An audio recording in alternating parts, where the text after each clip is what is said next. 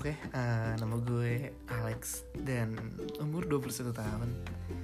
Sekarang kerja sebagai karyawan swasta dan kayaknya ini mulai pertama kali gue nge-podcast deh. Coba-coba aja gitu iseng. Nah, podcast gue kali ini gue mau namain argumentasi hati. Di sini gue mau coba bahas apa pun, random aja kayak masalah percintaan, kerjaan, apa pun deh pokoknya.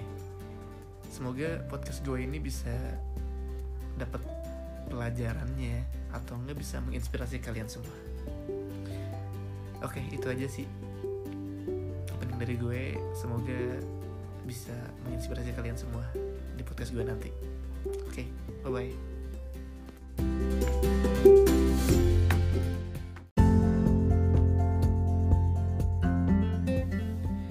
Oke, uh, balik lagi sama gue Alex dan kali ini gue mau coba bahas selingkuh deh. Ya, yeah, selingkuh. Oke, selingkuh. Gue pernah punya temen yang selingkuh karena iseng. Iya, kayak ngelihat cewek cakep susah banget nahan diri buat godain. Sedangkan cewek, menurut gue jarang sih yang iseng duluan.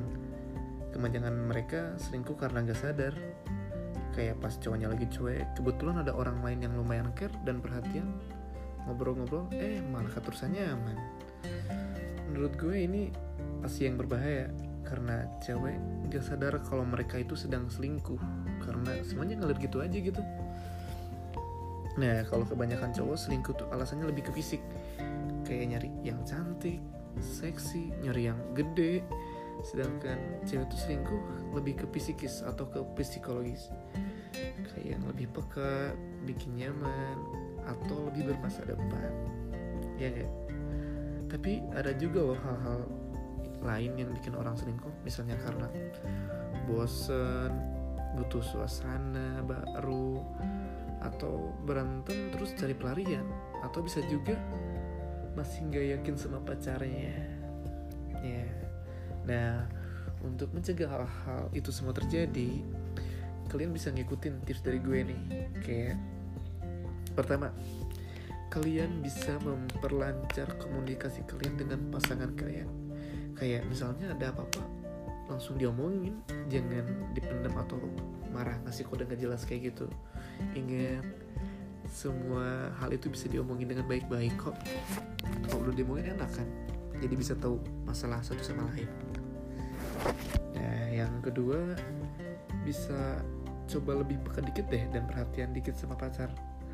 Supaya nggak kecolongan nggak kecolongan atau ada orang lain yang bisa bikin dia lebih nyaman dari lo.